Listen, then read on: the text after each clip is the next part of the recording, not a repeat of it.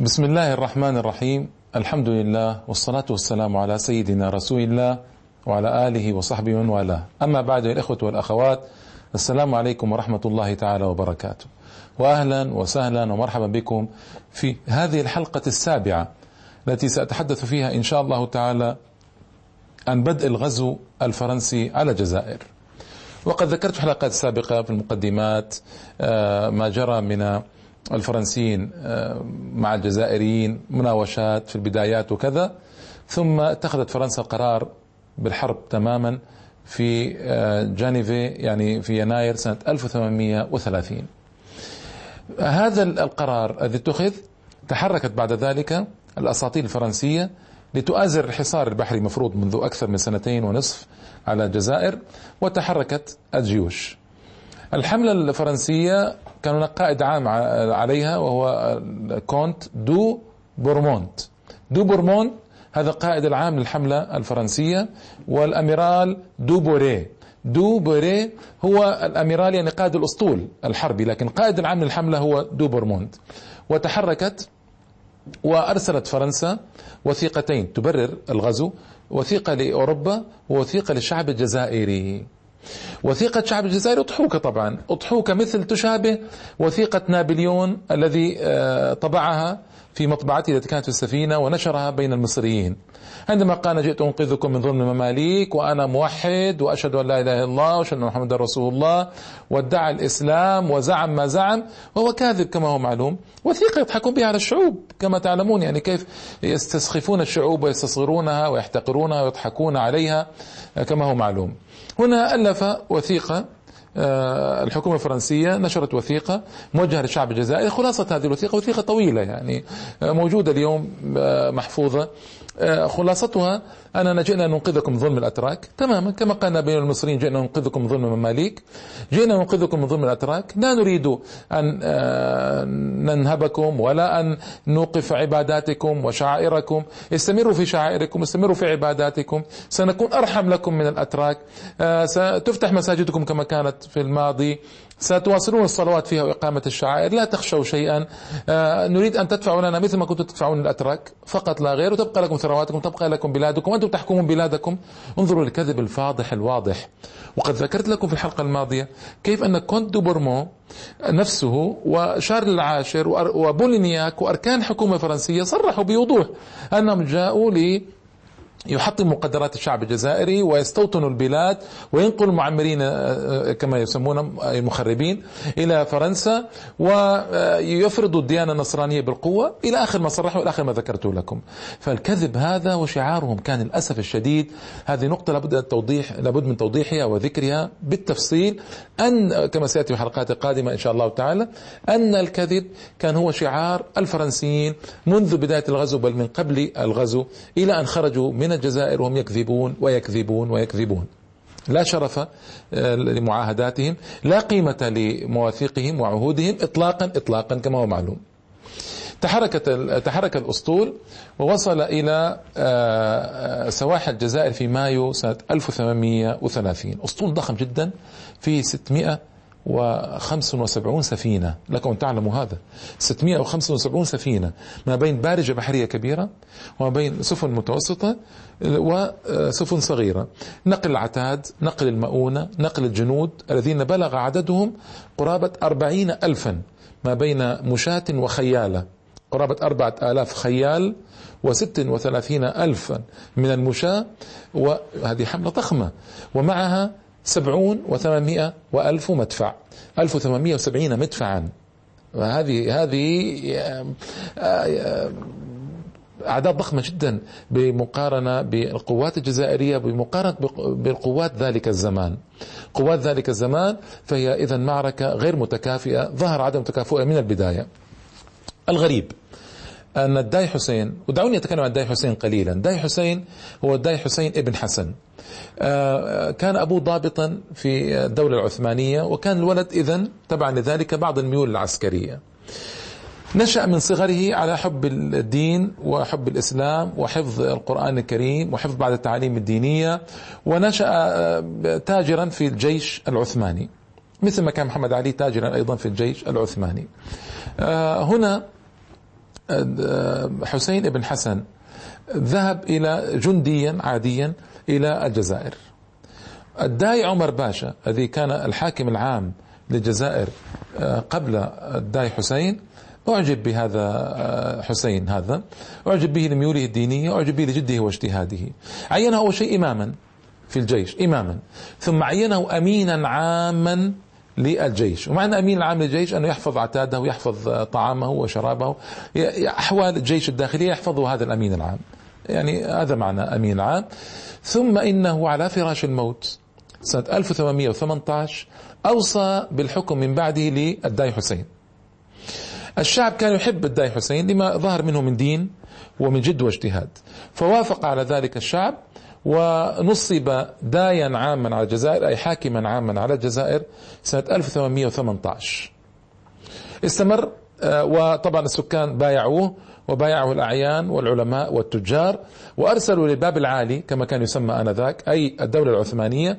أرسلوا لها طلبا بأن تعيين الداي داي حسين حاكما عاما على الجزائر. السلطان محمود الثاني الذي كان آنذاك سلطانا في الدولة العثمانية وافق على هذا التعيين وأرسل ما يعرف يعني بشعارات الموافقة. كانوا يرسلون أردية ويرسلون نوع معين من نوع معين من الملابس ويرسلون بعض الشارات ويرسلون كناية عن الموافقة على هذا التعيين. وفعلا عين دايا عاما على الجزائر. هنا حاول السلطان حسين أو الداي حسين ابن حسن حاول أن يبني قوة الجزائر من جديد. فعلا أنشأ آه، مصنعا خاصا للسفن وحاول أن يطور ويرتقي بالجوانب الثقافية والإدارية والسياسية في الجزائر. كما قلت لكم معركة نافارين سنة 1827 بعد توليد تسع سنوات آه، التي حطم فيها الأسطول الجزائري تماما من قبل الإنجليز ومن قبل الفرنسيين. آه، هذه قضت على آماله في إنشاء جيش قوي يدافع عن الجزائر. واهتبل الفرنسيون فرصة وجاءوا. هكذا إذا هذا ما جرى باختصار شديد إلى أن نزل الفرنسيون على سواحل الجزائر. قوة هائلة من الفرنسيين أربعون ألفا ما بين خيالة ومشاة و675 سفينة كنت تخيلوا هذا العدد 675 سفينة 1870 مدفعا. واستعدادات ضخمة ومؤونة ضخمة كبيرة مقابل سبعة آلاف تقريبا من الجيش النظامي الجزائري مع المتطوعة الذين يأتون من الشعب يعني للجهاد في سبيل الله تبارك وتعالى ومن شأن المتطوعة أن يكونوا ليسوا جيشا نظاميا. آه، قوة آه، نعم هي قوة لكن ليست قوة منظمة ومدربة كما ينبغي. قوة تملأها الحماسة وتملأها الشجاعة وحب الجهاد والاستشهاد في سبيل الله تعالى. لكن لا يمكن تحسب ضمن الجيش النظامي الذي كان سبعة آلاف فقط. والمدافع كانت قليلة تدافع عن الجزائر حطمت كلها كما قلت لكم وفي الماضي وما كانت هناك فرصة للتعويض بسبب الحصار الفرنسي مباشرة بعد معركة نافارين. حصار فرنسي على السوق الجزائري فلا يخرج أحد ولا يدخل أحد إلا بصعوبة شديدة وشديدة جدا. آه الذي جرى كان اجتمع طبعا الداي حسين مع أركان حربه وأركان دولته وكان يعلم داي حسين من خلال جواسيسه في فرنسا أن الجيش الفرنسي قادم. لكن كما قلت لكم الحصار الذي كان مضروبا على الجزائر ما مكنه من صنع شيء كبير.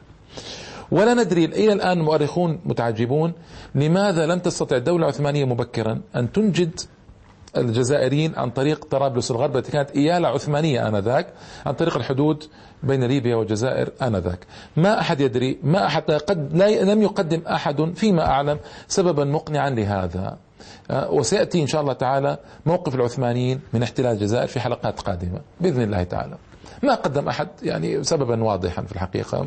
كل الأسباب التي قدمت أسباب آه، ليست واضحة أو أسبابا آه، ليست كافية. وبعضهم لم يتحدث أصلا عن هذه القضية. بعض المؤرخين آه، الداي حسين وجد نفسه على رأس هذه القوة الضعيفة مواجها لقوة عالمية آنذاك. ناشئة وبقوة ولا خبرة طويلة في البحر ولا خبرة طويلة في الحروب البرية الأوروبية.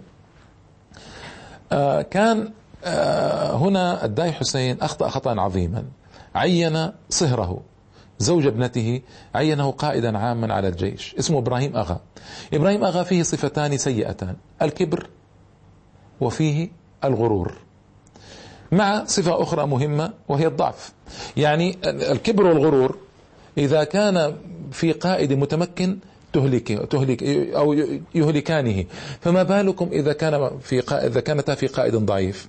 كبر وغرور لا يسمع كلام أحد وضع خطة ضعيفة. لأن معرفته بالامور العسكرية كانت ضعيفة محدودة. حتى إن القائد الكبير أحمد باي حاكم القسنطينة فيما بعد وآنذاك هو حاكم القسنطينة لكن المتولي للجهاد الكبير ضد الفرنسيين في قسنطينة فيما بعد كما سيأتي إن شاء الله تعالى أشار على إبراهيم أغا ألا يسمح للفرنسيين بالنزول. إلى الساحل الجزائري. لأنهم يتنزلوا قوة ضخمة ومعهم مدافع كثيرة جدا ومعهم أسلحة نارية متقدمة ومدافع مت... آه، بنادق متقدمة قياسا آه، إلى ما كان مع الجزائريين. فأشار عليه ألا يسمح له لهؤلاء الفرنسيين بالنزول بل يبادر بضربهم وهم ما زالوا في البحر. قبل أن ينزلوا إلى البر. للأسف إبراهيم أغا استهزأ بأحمد باي واستهزأ بخطته وقال له ما أدراك أنت بالحرب. هذا المغرور المتكبر هكذا شأنه دوما وأبدا. نسأل الله العافية والسلامة الداعي حسين ما كان يملك مع صهره مع زوج ابنته شيئا ولا يستطيع أن يراجعه واتخذ قراره آه، هذا إبراهيم أغا بأن يهاجم القوات الفرنسية النازلة في سيدي فرج. موقع آه، غرب آه، العاصمة الجزائرية اليوم. موقع هنالك وأن ينتظر. الإنزال صار في سيدي فرج ونزل الفرنسيون وإلى أن وصلوا إلى قرية أسطوالي. كل هذه الآن غرب الجزائر العاصمة. عشرين عشرون كيلا تقريبا مسافة. انتظرهم حتى يأتوا إلى أسطوالي القرية ثم بدأ يهاجمهم. وكان من الخطة الرشيدة التي قدمها أحمد باي ألا ينتظر هؤلاء حتى يتقدموا بل لابد من ضربهم مباشرة في البحر ومجرد نزولهم إلى الساحل من خلال المدفعية التي تدافع عن الجزائر من أعلى الحصون. للأسف الشديد ما وافق إبراهيم أغا. وركب الغرور والكبر آه، رأسه وما استطاع أن يصنع شيئا. هنا قرر أن يدخل ويواجه الجزائر الفرنسيين في آه، أواخر يونيو وأوائل يوليو مواجهة مباشرة من من الأمام. وهنالك جناحان يهاجمان الجيش من جانبيه. طبعا ما استطاع أن يصنع شيئا لماذا؟ لأن الجيش الفرنسي قوي ومدرب وعنده أسلحة قوية. حاول دخل بجيشه ما استطاع وبالأسف الشديد انهزم من ميدان المعركة. هذه المصيبة المصيبة أن القائد لا يثبت حتى ينال إحدى الحسنيين إما النصر وإما الشهادة. بل يهرب ميدان معركة ويترك الجنود فإذا ترك القائد الجنود فيبقون كالشياه بدون راع في ليلة المظلمة المطيرة. ماذا تصنع؟ ما وماذا يصنع ذلك الجيش؟ هنا تداركا للموقف عين الداي حسين باي الطيطري. الطيطري هذه كانت مقسمة الجزائر إلى ثلاث آه، ولايات قسنطينة وجزائر وطيطري. هنباي الطيطري عينه. آه، لكن تعيين كان متأخرا جدا. وأتى بالمفتي مفتي كان ذاك اسمه محمد بن العنابي أتى به من أجل إثارة حماس الناس وإشراك أكبر قدر ممكن من المتطوعة في الجهاد وتهدئة الصفوف ولمها من جديد. كان الأمر هذا متأخرا جدا للأسف الشديد ولم يثمر شيئا. وتقدمت القوات الفرنسية من اسطوالي إلى الجزائر ووجد الداعي حسين نفسه لابد من أن يعقد هدنة معهم هدنة استسلامية طبعا. آه، وهذا الذي حدث في 5 يوليو آه، عقدت الهدنة ودخل الفرنسيون عاصمة الجزائر وهي الجزائر. ونشروا الأعلام الفرنسية على الحصن الحصون الجزائرية والمواقع الحصينة في الجزائر وكانت معركة أليمة محزنة. ذلك لأننا لم نجتمع كقوة لم يعين القائد الكفؤ. مع علم الداي حسين للأسف الشديد وأنا أحمل الداي حسين قدرا كبيرا من المسؤولية رحمه الله تعالى مع علمه بتحرك الأسطول الفرنسي من من الموانئ الفرنسية. بل قبل أن يتحرك الأسطول الفرنسي علم بهذا من خلال طبعا الحصار الفرنسي الطويل على الجزائر ومفاوضات الفرنسيين مع الجزائريين وعلى رأس مداي حسين. للأسف الشديد أنا متألم جدا بسبب هذا الذي جرى. إضافة إلى ذلك هناك عامل مهم جدا. يعني الله تبارك وتعالى يقول وعدوا لهم ما استطعتم من قوة. كانت القوة التي أعدت يعني قوة ضعيفة. قوة لا توازي ولا تساوي القوة الفرنسية ولا تساوي حتى نصفها ولا تساوي ربعها ولا تساوي ثلثها ولا ربعها ولا خمسها. هذه حقائق لابد من ذكرها. وهذا تفريط منا. كما بالضبط يعني قلت لكم التاريخ يعيد نفسه. كما حصل مع نابليون في إسكندرية. تصوروا أن إسكندرية كان فيها مدفعان عثمانيان يدافعان عن المدينة. بينما أتى نابليون بمئات المدافع ومئات السفن وثلاثين ألفا من القوات المدربة التي انتصرت في أوروبا انتصارا انتصارات متوالية وكان عندها خبرة طويلة جدا. في أوروبا فواجهت أهل الإسكندرية المساكين الذين لم يكن هنالك جيش قوي يدافع عنهم بسبب أيضا غرور المماليك وبسبب آه، أن المماليك لم يقدروا قوة الفرنسية حق قدرها وبسبب الظلم الشديد الذي كان يواجهه المماليك لأهل مصر الفلاحين المساكين آنذاك. التاريخ يعيد نفسه. هنا أيضا لم تكن هناك قوة آه، كافية لمواجهة الغزو الفرنسي. أيضا لم تكن هناك خطة كفؤة موضوعة قوية. كان الغرور والكبر يملأان رأس إبراهيم أغا ما كان هناك شورى إسلامية؟ الله تعالى يقول أمرهم شورى بينهم. ما كان هناك شورى آه، حقيقية؟ ووضع الخطة من قبل جميع أركان الدولة الجزائرية.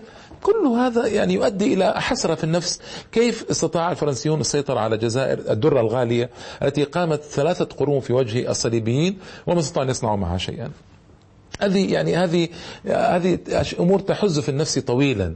لما دخل الفرنسيون آه، إلى الجزائر كانت معاهدة مكتوبة بعدم المساس بحقوق الأهالي، عدم المساس بمساجدهم، عدم المساس بثرواتهم، عدم المساس بنسائهم، عدم المساس بأي شيء يخصهم، إنما هي أموال تدفع للفرنسيين مثل يعني الجزية أو مثل الغرامة وإقامة حاكم فرنسي عام على الجزائر وإبقاء المسلمين في أمورهم وأحوالهم هل وفى الفرنسيون بهذا؟ هذا سؤال مهم لا لم يوفوا بهذا طبعا.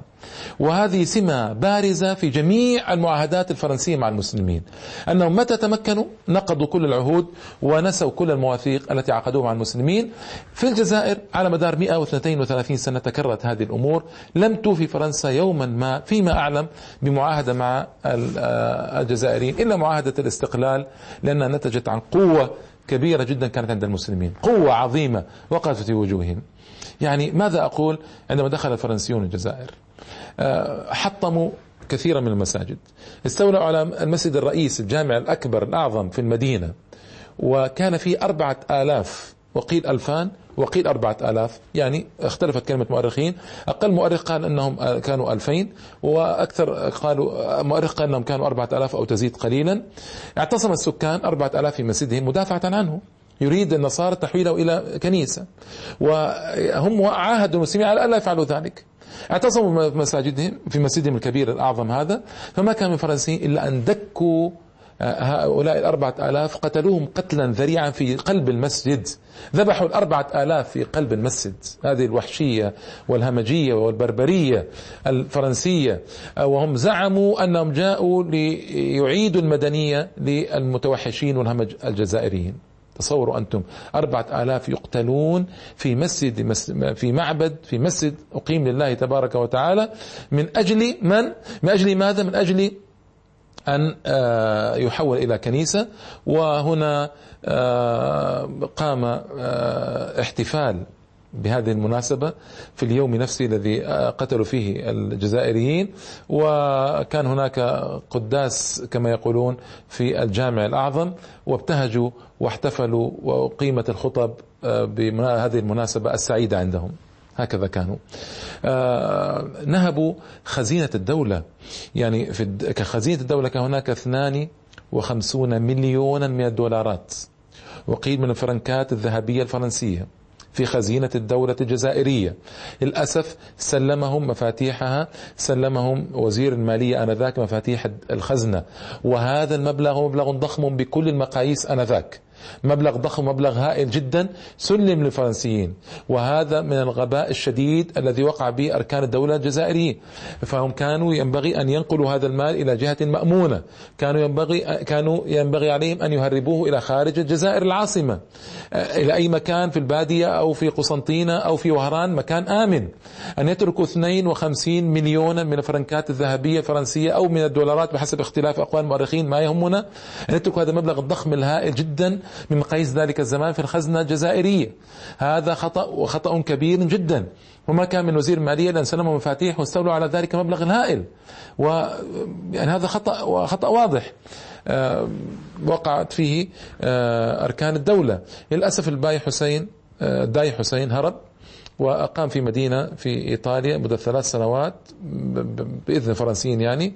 ثم بعد ذلك استقر في إسكندرية ومات بعد سنتين من استقراره أو مات بعد خمس سنوات من استقراره بإسكندرية في سنة 1838 آه طيب آه ومن يدير شؤون الجزائريين؟ الذين كانوا كما قلت لكم آه، مفاجأة ضخمة جدا سرت عليهم آه، حطموا بيوتهم. أخذوا القصور قصور راحة التي كانت تسمى في العاصمة الجزائرية وزعوها على أركان دولتهم الفرنسية. أخذوا المقدرات السكان وثروات السكان بل وصل بهم الحال إلى هدم الأسوار تصوروا. الأسوار هدمت أنهم كانوا يظنون أن الجزائر أخفوا الذهب وثروات تحت الأسوار. هدموا كثيرا من البيوت الأثرية لأنهم يظنون أن الذهب تحتها وهدموا المسا... كثيرا من المساجد هدموا كثيرا من البيوت هدموا جميع الأبواب الجزائرية الرسمية لدخول المدينة خروج منها. يعني كانت حملة صعبة جدا. آه، طردوا كل العثمانيين الذين كانوا يديرون شؤون الدولة من الجزائر في ترحيل جماعي إلى آه، إسطنبول ترحيل جماعي عن طريق البحر إلى إسطنبول. آه، مكنوا الفرنسيين من رقاب العباد ومن مقدرات البلاد وهكذا كالعادة نقض الفرنسيون عهدهم. بحول عاصمة الجزائر هناك سهل متيجة. سهل متيجة هو سهل غني جدا وخصب جدا. لما رأى أعيان البلاد ما نزل بالجزائر قرروا المقاومة الحقيقية هنا تبدأ عاد المقاومة الفعلية تبدأ هنا. ليس في أسطوالي وليس في سيدي فرج لأنها كانت مقاومة ضعيفة ومقاومة هزلية وناتجة عن رئيس مغرور. لكن هنا آه، قرر أهالي المقاومة. من أعظم من قاوم آه، محمد بن زعمون ولديه آه، حسان وحمدان. محمد زعمون كان عمره سبعين عاما آنذاك وقام بمقاومة رائعة جدا وأجبر الفرنسيين على التراجع عن سهل متيجة الخصب وحصرهم في مدينة الجزائر. آه، أيضا سيدي علي السعيدي ومن الجزائر مشهور رجل آه، عالم وصالح. وجد أن لا يسع البقاء في الجزائر تحت سلطة كافر. خرج منها ورأى أن الريف أعظم طاعة وأكثر مقاومة وجمع الجنود أيضا وشاركوا بقوة في المقاومة آه، وفي رد الفرنسيين عن سهل متيجة. آه، أيضا فك الحصار حصار البليده الذي قام به الكونت دبرومو بنفسه قائدا للحملة وثم ماريشال بيجو بعده. ماريشال بيجو الذي ذبح سكان البليده في مذبحة شنيعة جدا. وجنرال آه، أيضا دور فيجو الذي آه، ذبح السكان في القليعة. وهكذا مذابح قامت. لكن ابن زعمون وولداه وسيدي علي السعيدي كان لهم أثر كبير في الحفاظ على سهل متيجة إلى وقت متأخر جدا إلى قرابة سنة 1840 لما استطاع الفرنسيون الاستيلاء عليه بعد ذلك. آه، لكن عشر سنوات من المقاومة الرائعة ما استطاع الفرنسيون يتقدموا فيها إلا قليلا أقيمت مذابح لأهل الريف لا شك وبعض المدن والبلاد خارج الجزائر لكن المقاومة الرائعة لابن زعمون وسيدي علي السعيدي وغيرهما كانت كانت سببا رائعا جدا في إيقاف التدفق الفرنسي خارج العاصمة الجزائر وحصرها في العاصمة. فرنسا حاولت توجيه غزوات بحرية إلى بجاية وهران وكل هذه باءت بالفشل بسبب المقاومة الكبيرة أيضا التي أبداها آه، زعماء القبائل الذين اجتمعوا وقرروا الجهاد في سبيل الله آه، في سنة 1830 بالضبط في 23 يوليو سنة 1830 في آه، اجتماع سمي باجتماع البرج. آنذاك اجتماع البرج في 23 يوليو سنة 1830 قرر فيه الجزائريون المقاومة وبالفعل كانت مقاومة رائعة واستمرت سنوات طويلة وأنتجت آه، حماية للسكان والسكان اجتمعوا حول زعماء القبائل هؤلاء والزعماء الدينيين الذين اجتمعوا في قيادة واحدة موحدة لصد الحملة الفرنسية خارج العاصمة الجزائر التي كانت استسلمت لهم وانتهى أمرها آه، آنذاك. جرت مقاومات رائعة من الأمير عبد القادر الجزائري ومن أحمد باي آه، باي قسنطينة. مقاومات طويلة ورائعة جدا في الحقيقة. سأذكرها في الحلقات القادمة تباعا إن شاء الله تعالى. آه، لابد أن نذكر أن شعلة الجهاد لم تنطفئ إطلاقا ولم تتأثر بما جرى في معركة أسطوالي وسيدي فرج. إطلاقا. بل بدأت المقاومة الحقيقية أقول بعد سقوط الجزائر العاصمة. بعد سقوط الجزائر العاصمة بدأت المقاومة الحقيقية الرائعة الجليلة الجهادية مدة 100 وثلاثين سنة أو مئة واثنتين وثلاثين سنة في الجزائر. مقاومة لم تتوقف إطلاقا. تنطفي في مكان تظهر مكان آخر. وتنطفي في ذلك المكان تظهر في مكان ثالث ورابع وهلم جرة. كما سأبين إن شاء الله تعالى مما يبين أن الشعب الجزائري لم يرضخ إطلاقا لفرنسا ولم يرضى أن يرضخ إطلاقا لفرنسا. وأن الجهاد استمر رائعا عظيما جليلا. طول مدة بقاء فرنسا لم تهنأ. بالجزائر اطلاقا وإنما كان لها مدد هدوء. في آه، الجزائر. تطول أحيانا وتقصر أخرى. مدد الهدوء هذه لا تعني انقطاع الجهاد ولا انقطاع الانتفاضة. بالضبط كما يحصل في فلسطين اليوم مدد هدوء بين انتفاضة جهادية وأخرى لكن الانتفاضة مستمرة والجهاد مستمر ضد اليهود وكذلك هنا الجهاد مستمر ضد فرنسا. حتى آه، خرجت غير مأسوف عليها يلعنها التاريخ ويلعنها أبناء الجزائر وبناته آه، في معركة خالدة وثورة رائعة بعد ذلك. أسأل الله تبارك وتعالى أن يرينا الحق حقا حقا ويرزقنا اتباعه وارنا الباطل باطلا ويرزقنا اجتنابه. والله أعلم وأحكم. وإلى اللقاء في الحلقة القادمة إن شاء الله. والسلام عليكم ورحمة الله تعالى وبركاته.